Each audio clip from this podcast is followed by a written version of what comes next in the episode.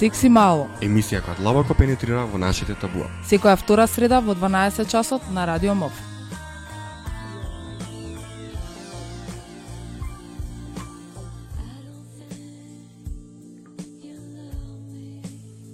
Здраво уште еднаш, ева на повторно со вас, уште една среда, нова сезона со нашата секси мало. Пред се пред да почнеме со поголемиот дел од емисијата, морам да кажам дека многу сум среќна пошто ни е веќе втора сезона од емисијата.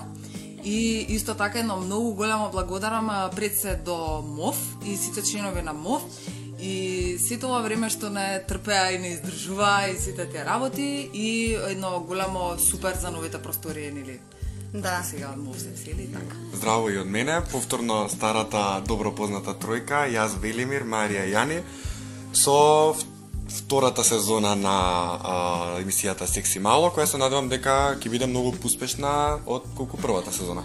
Се надевам дека исто така ќе ги исполниме вашите очекувања, дека повторно ќе ви бидеме интересни, ќе нас слушате, дека ќе ги добивате оние информации кои што ви фалеле до сега, значи ги добивате нашите пакетчиња информативни, условно кажано.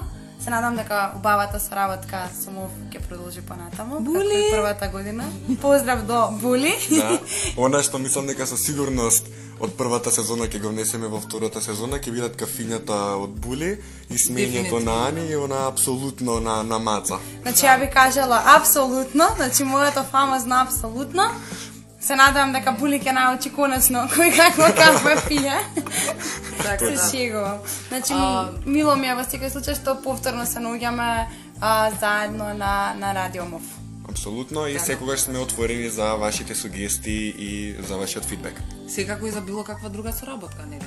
Да, значи остануваме комуникацијата ни е таа иста, на Facebook можете да најдете како Хера, на Twitter исто така можете да да видите нашата веб страна hera.org.mk или пак да пишете на hera@hera.com.mk доколку имате некоја прашање, доколку имате некој коментар или ако сето тоа не успее да пишете директно во Радио МОВ.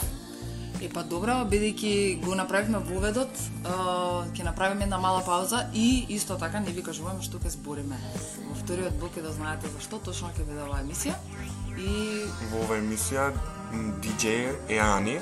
така да, а После долги расправи да. се одлучивме, нели нормално маца секогаш отстапува музичкиот избор да биде мој или на Ани. Или на Нажалост, овој пат е на Ани, се надам дека ќе ви се допадне. Були пуштај свингот.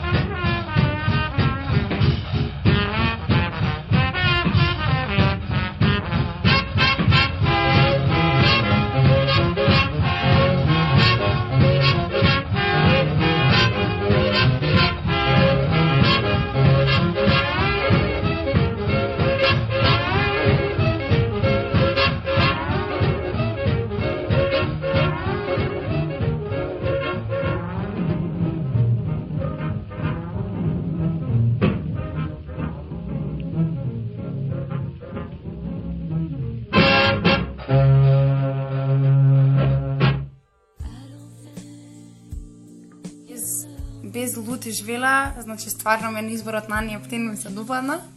Сакам свинг. Свинг и дайлинг. Океј, ајде ќе видиме наредна емисија, ама добро. Значи тема Значи нема да се лутиш сега. како кажаме претходно. Или не, нашите слушатели ќе помислат онака дека сум тепаме. такиваш, да. Супер, ани не. Темаме за музика, така. Е, ја болја музика. како Ани да. не се сомневам ја во твој музички збор никогаш. Секако Значи баланс и еднаквост. Принципи Така. по кои што се раководиме воедно. Значи сега малце посериозно. Уна, а, зашто ќе збориме емисија, дојде време да ви го представиме. Летово, иако не е летото кај нас е малце помирен период, кога и немаме баш некои поголеми активности, сепак се случија многу, многу нови работи. Ева ни кажа на почеток МОВ доби ново студио, зашто многу ни е драго нас. А покрај новитетите на МОВ, значи има новитети и во Хера.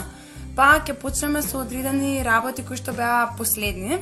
Другите ќе ги оставиме за некоја За понатака. Да, наредна емисија. Значи, Точно, значи еден од поважните датуми кој што беше во во претходно време кој што се, одви, се, се одвиваше на глобалната на глобалната сцена беше 28 септември, кој што колку за информација беше глобален ден за акција за пристап до безбеден и легален абортус. И сега доколку не пратевте убаво во а, првата сезона на Секси Мало, една од темите за која доста дискутиравме беше и а, беше и абортусот. Не планираме сега повторно да ги кажуваме истите информации, но она што сакаме да го кажеме една бројка која една многу важна година, тоа е 1972 од каде што тоа е всушност година каде што е за прв пат донесен во Република Македонија законот за прекинување на бременоста, со кој што е намален број на небезбедни абортуси се до ден се до ден денес, а впрочем и смртноста на жените поврзани со компликациите од абортусот е веќе далечно далечно минато. Она што сакам да го да го посочам е тоа што ам, особено во контекст на владините реклами за а, владините реклами за абортус, односно избери живот имаш право на избори, особено од компликациите за абортусот, сакам да кажам дека абортусот, како и секоја друга медицинска а, интервенција, си има свој ризик, но а, она што е многу важно, дека доколку се одвива во институција, каде што, односно во здравствена институција, каде што сето тоа се одвива од професионалци, се е стерилно, нема никаков, никаков проблем, проблеми, нема никакви компликации од а, тоа. Секако, извини што ќе те прекинам, не сакав да те прекинам во Живеани. барби одговор. Um, секако се работи за оние институции кои што работат со лиценци, значи не, мо- не може да отидеме во би кажала нелегални простори, Да, нели? значи сега универзитетска се- клиника, да, апсолутно. А, Морам да те подржам за сето, сето што- тоа што го кажа бидејќи е вистина, нели едно голямо една голема поддршка за овој светски ден или за акција пристап до а, легален и безбеден абортус. А, исто така понатака што се случи во во изминат период, значи во ова лето беше тоа што Значи, не беше баш лето, туку веќе Туку, есен да. да, бидејќи дека малце однаназад се настаните, а покрај светскиот ден а, на абортус, односно пристап до безбеден абортус, се случи и светскиот ден за орална контрацепција, односно за контрацепција воопшто. Тоа беше на 26 септември, значи тоа е тој датум кој што е земен како еден глобален датум на секаде на светот. Така, морам да кажам дека пред се 70 земи а, во светот го одбележа овој ден, или меѓународниот ден за контрацепцијата. А, исто така оваа кампања започната во 2007 година и а, понатака беше нели а, п- а, Беше да практикувана, значи, а, секоја една земја, мислам што зема учество во оваа кампања, си правеше определени настани и слично. Ние оваа година исто така бевме вклучени во кампањата и минатата. Минатата, например, бевме на площадот Станчиња, дававме определени информативни материјали на луѓето што ќе поминат. А оваа година, значи Хера, прво беше, имавме пресконференција а, неколку дена пред овој датум, И на самиот датум, значи решивме активноста да ги лоцираме од Битола. И а, во, во American Corner се одржа значи, на символично одбележување на овој датум, со едукативна сесија, со давање на определени информации, се разбира, нели, а, кондоми и, и слично. Значи, тоа се ние два датума кои што се случија во изминатиот период, значи по септември, а имаат голямо значење за нас како млади луѓе, за нашата организација и мислам дека за сите оние кои што не слушаат. Значи во септември не се оди само на школа, не е само прв училишен ден, туку се случуваат и многу гло- глобални важни настани на секаде низ планетата, кои што впрочем Хера ги одбележува и локално во, во Република Македонија. А, дали одиме едно прашање со уште една музичка пауза или не? А, мислам дека можеме па може да се одмориме уште еднаш па да се вратиме. Ајде, булик има од таму, така да може.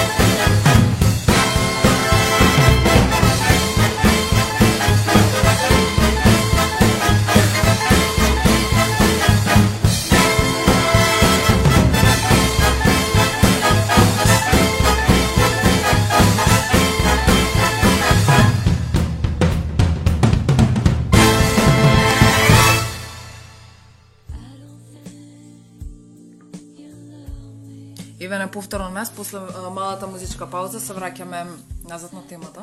на темата абортус И а, контрацепција, и контрацепција да. А, она што сакам пред да завршиме емисијата, да да го споделам со вас во врска со абортусот е дека како што претходно кажав, Хира се приклучи на глобалното движење за промоција на репродуктивните слободи на жените и остварување на правата на жените за она што е многу важно, безбеден и легален абортус.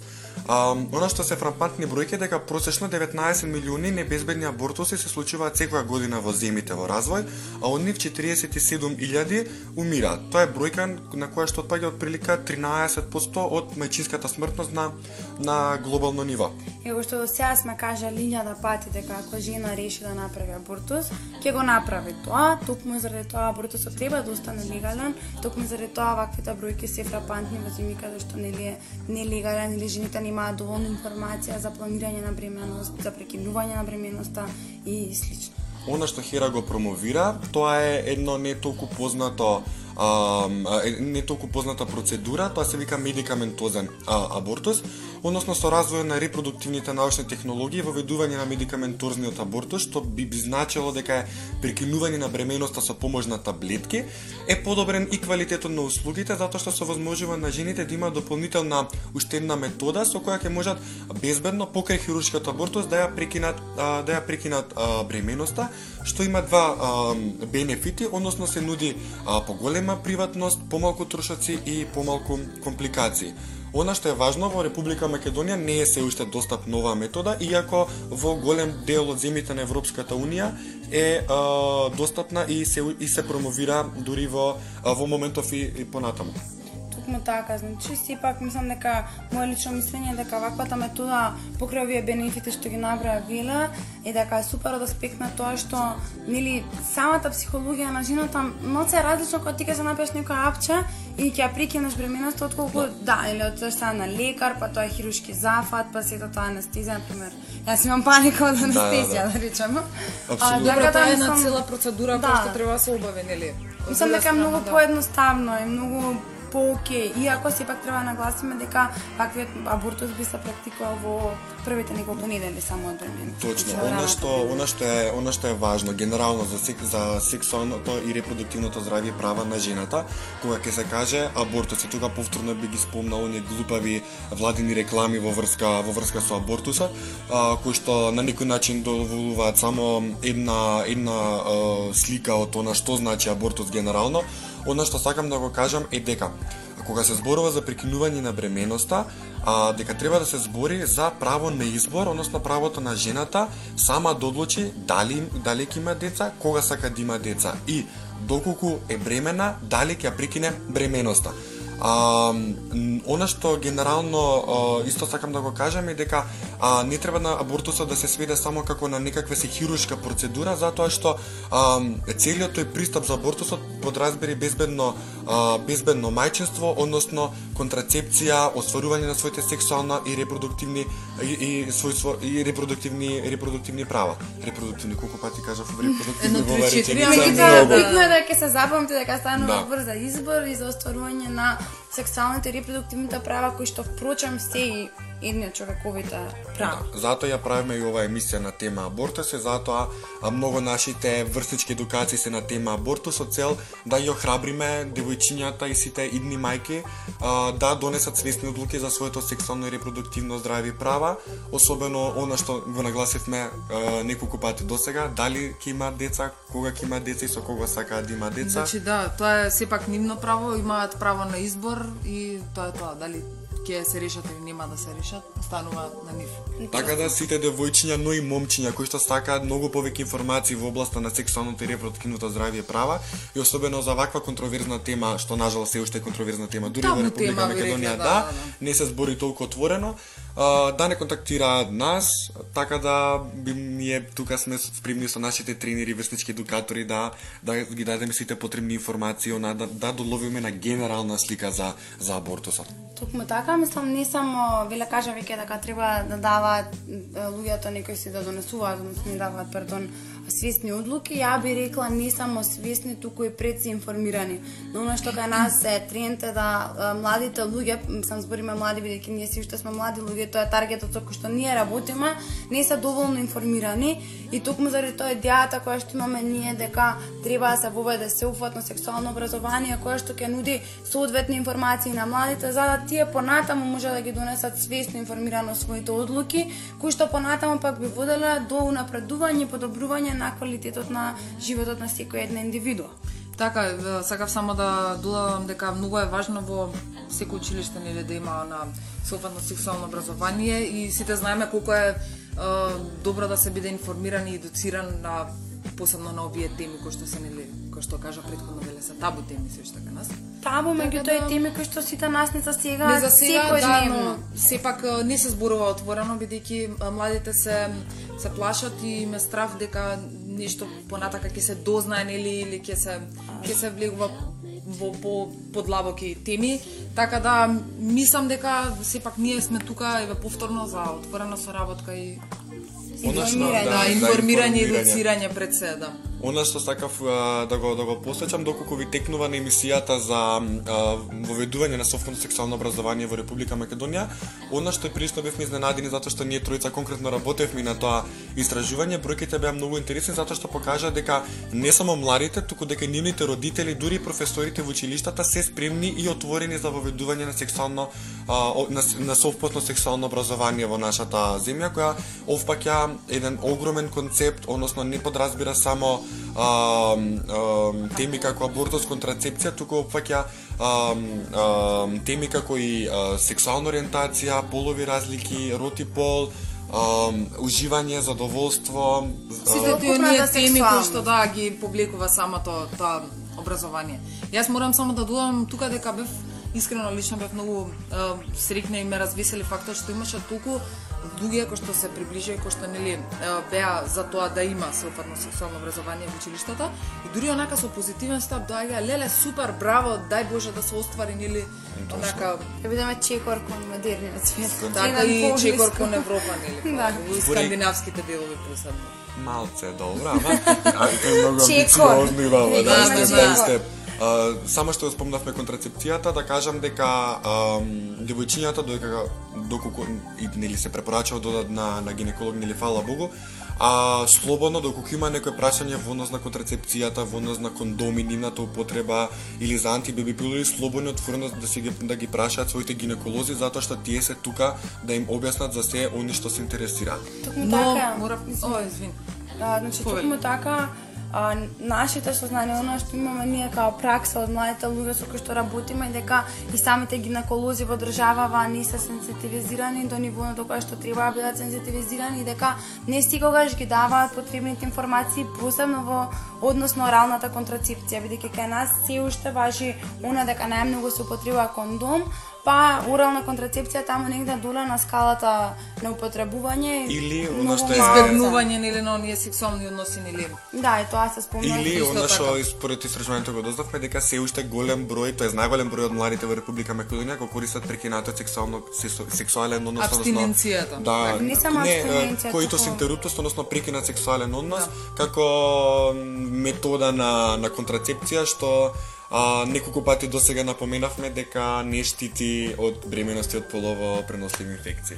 Токму така, значи, а, кога сме кај контрацепцијата, пак ви кажеме дека а, нашата идеја е дека ако имаме соодветна информација, ако имаме соодветна едукација, самите момчини и девојки понатаму ќе знаат како најбезбедно да го планираат семејството, меѓу друго како да уживаат во своите сексуални односи исто така.